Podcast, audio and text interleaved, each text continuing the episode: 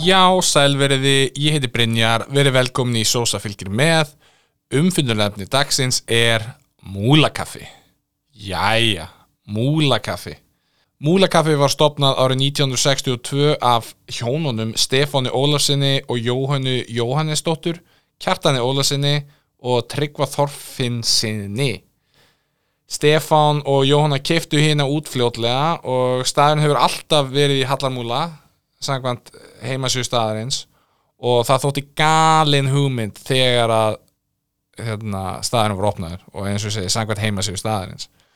En á þessu tíma var mikil uppbygging þarna en þetta var svona hálgjör sveit og var slútið ætlun að fólki sem væri að byggja hérna í kring þurfti að koma einhvert og borða og, og það reyndist reyndist verið rétt hjá Stefáni og Jóhannu og samkvæmt heimasíðunni þá er veistlu þjónustan sem mjög margir kannast við stærsti þáttur fyrirtækisins nánast frá stofnun.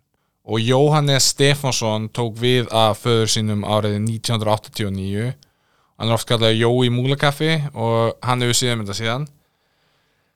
Sko Saga Múlakaffis er einfallega það löng og flókin og allt það að það þyrti hefst að gera heimildamind um staðin þetta er þannig staður. Þessi staður er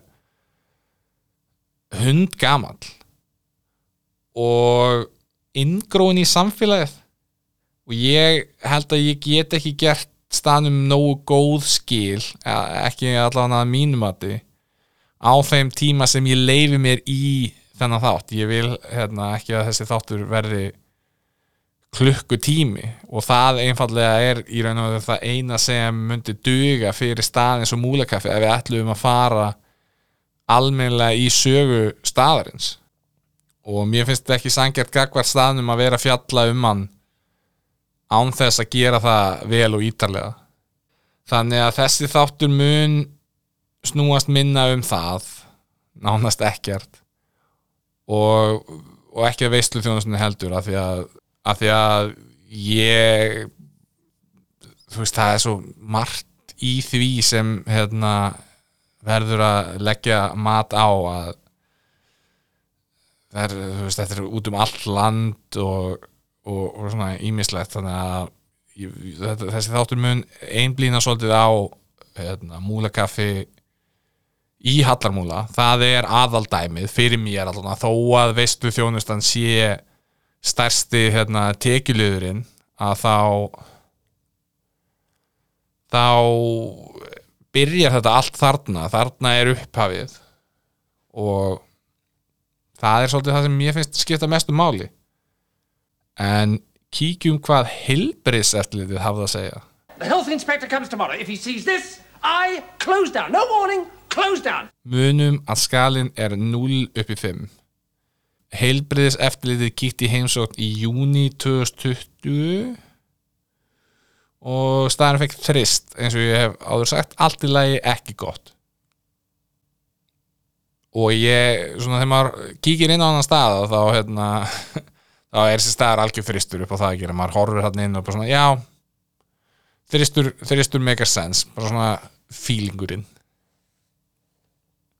en já, mín upplifun af múlakaffi er hérna, ekki mikil svona fyrir utan veislu ég hef verið að vinna á stöðum og eitthvað svona vinnustöðum þar sem hafa fengið sendan mat frá múlakaffi og það, það er ekkit ekkit að rópa húrra fyrir. En eins og ég segi, það er ekki það sem skiptir máli þetta er svona veislu þjónustæði er svo rosalega upp á ofan og sérstaklega fyrir vinnustæði ég, hérna ég, ég er persónulega ekki hérna hrifin að því þegar að vinnustæðir gera þetta, þú veist, jújú, eða upp með mötunetti og múlakaffi tekur það yfir svona, allt það, minnst allt í lægi og hérna, mér skilst að múlakaffi gerir það í hérna Rio Tinto og hérna Eimskipum og, eða Eimskip og allt svoleiðist, þannig að þú sjá um mötunetti þar, þannig að það er svolítið öðruvísi eins og ég skildi allan en að vera á vinnustad og fá að senda einhvern bakka með mat hvort sem það er múlakaffi eða einhver annar staður sem sendir þá er ég almennt séð ekki hrifin af því þannig að það er kannski dómur um múlakaffi en ég held að það sé meira svona mér finnst hugmyndin frekar glötuð ef ég á að vera alveg hreinskilin en það er greinilega margir ósamála mér, eða allavega fyrirtækin þau grípa frekar til þess að gera þetta svona mörg en frekar en að hérna, vera með sitt eigið eða eitthvað, eitthvað, eitthvað aðra lausnir. En mín upplifun er samt svo að ég var að vinna þarna rétt hjá og ég er ekkert að vinna langt frá núna heldur og ég átti heima í Áltamýri sem er rétt náttúrulega hjá Hallarmúla, þannig að maður var svolítið þarna að lappa fram hjá og keira og eitthvað svona og það sem hérna ég vissi aldrei og fattaði ekki er sem sagt þegar maður keira þarna fram hjá og það var alltaf og er, þetta er ennþá þannig í dag. Og Guð veit hversu lengi þetta er búið að vera svona. Endalaust að lögruglbílum hann og ég held mjög lengi að það væri svona einhver kaffistofa bara fyrir lögreglum þetta væri eitthvað svona hérna, eins og það var í, þú veist, í árbænum þá var hérna svona lítið lögreglustöð og, og í graf og eitthvað svona, núna er einn í grafar holti sem sér um útkvöldin á svæði og eitthvað svona. En ég held þetta væri svona þannig dæmi, ég held þetta væri bara svona okay, það, hérna er kaffistofan, hérna hérðan fara bílarnir í útkall ef eitthvað gerist á einhverjum ákveðnum radíus Nei, nei, þá er þetta bara hérna, múlakaffi. Og ég fekk síðan að vita það frá vini mínum sem er í lauruglunni af hverju lauruglumenn fara svona mikið á múlakaffi. Og það er að lauruglumenn þurfa aðeins að borga 40% af verðinu sem er á múlakaffi. Lauruglumenn er með samning við múlakaffi og lögurlega mætti borga 60% á móti þessum 40% sem lögurlega mætti borga. Og mér finnst það mjög aðtilsvægt í ljósi þess að það er líklega engin veitingastæður á Íslandi þar sem menn leggja jafn ólöglega og hjá múlakaffi. Og þetta var í fjölmjölum núna fyrir ekkert svo löngu síðan. Og það er aldrei sagt að ég hef séð lögurlega lappa framhjá fimm jeppum svona Dodge Ram Ford 150 reppum upp á gangstéttum þar sem hérna, hérna fólk í hjólastólum eða fólk með barnavagna á ekki séns á að komast framhjá. Leggja fyrir gangbröðum og eitthvað svona. Og þeir lappa framhjá eins og ekkert sér eðlera en eins og þið sjáu ekki og bílana sem eru hérna, laðir ólöða þarna upp á gangstéttinni hjá múleikafi og þegar maður veit að löglumennir eh, er að, að borga 40% hérna, af matnum. Það er svona það er svona soldið spes finnst mér. Ég, ég er ekki að segja að það sé 100% eitthvað ástæða fyrir því en þetta lyktar fyrir eitthvað illa finnst mér. Uh, en já og ég, já, ég held að eins og ég segja, átti heimaðna vann hann að rétti á og, og veldi þessu svolítið fyrir mér. Af hverju er þetta svona og, svona, og ég fekk, eins og ég segja, ég fekk þetta svar en ég hef aldrei farið. Og vini minni fóra hérna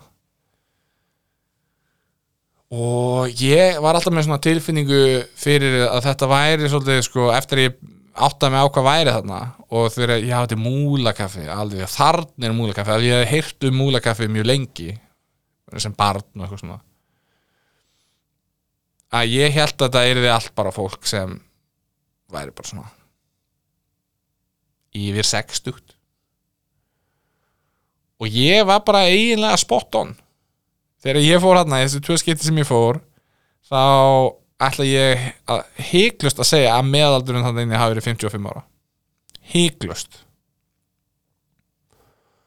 og ég sá eina konu á þessum tveimur dögum við erum að tala um hérna eru hérna, hvað er það að segja, þetta eru svona mittir 200-300 manns þarna í heldina á þessum tveimur dögum ein kona næstum því allir í hérna yðnamannaföndum eða göllum, mættu svo segja. Uh, og nema, eina fólki sem var ekki í yðnamannaföndum var fólki sem var hérna líklega bara ellífristegar ég velti fyrir mig hvort það sé ykkur afsláttur þar í gangi.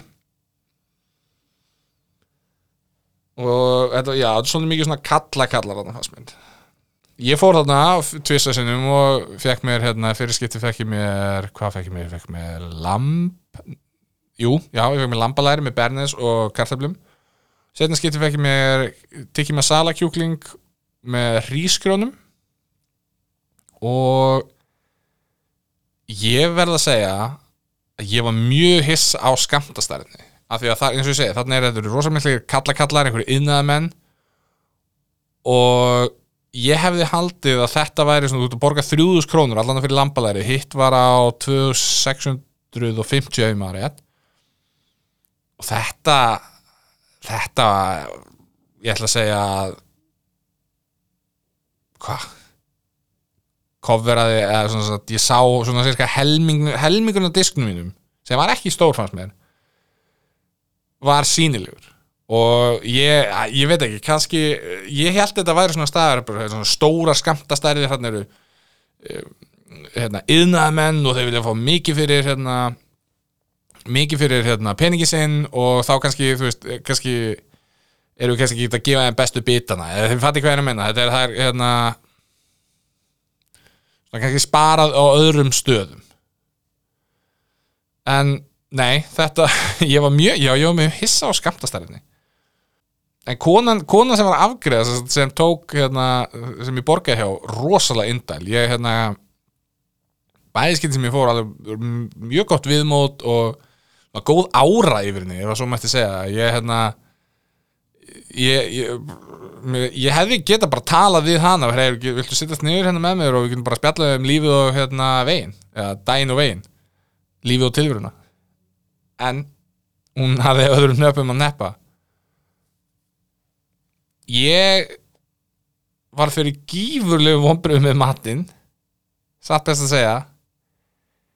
Ég held að ég myndi fara í svona blindandi próf, eða blindpróf ég held að ég ef við tökum sósunar út við höfum bara hérna kjúkling og við höfum hérna lambakjött ég held að ég geti ekki þekkt munin á því sem ég fekk þarna á þessum stað.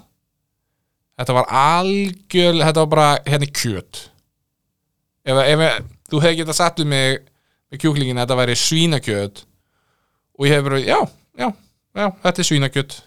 Og sama með lampið, þetta var veist, það var engin á, það var, það var engin áferð einhvern veginn. Eins og sósan var fín og ég held ég hefði ekki geta hérna, borðað þetta kjöt hvorki kjúklingin nýja lambakjötið ef það hefði ekki verið sósa kartumlan voru allt í lagi hrískrjónum voru allt í lagi og svona algjörlega á þeim standard sem ég bjóstu við. Og ég, ég veit ekki hvað hva er hægt að segja sko, þegar þú ert með svona stað sem er að ég, já, þetta, þetta, er svo, þetta er svolítið erfitt af því að þessi staður er náttúrulega með rosalega langa sögu. Og ég held að ástæðan fyrir því ef þetta er venjulegt hjá þeim ef, gæð, ef þetta er venjuleg gæð á matnum á þessum stað þá er ég ekkert hissa á að hérna aldurinn sé meðaldurinn þannig að sé 55 ára. Og ef að lögurlumenn er aðeins að borga 40% af því sem þetta kostar þá skil ég fullkomlega að þeir láta sig hafa þetta. En þú berði þetta sama við eins og þegar ég fór á salatbarinn það ertu með hlaðborð sem þú getur fengið eins oft og vilt, það er með marga heita rétti. Með, ég heldur sem með þrjá eða fjóra kjötrétti og þú veist fisk og síðan einhverja fiskrétti og eitthvað svona, súpu og eitthvað svona. Og með eftirrétti og alls konar meðlæti og ég veit ekki hvað og hvað. Það kostar 3000 krónur.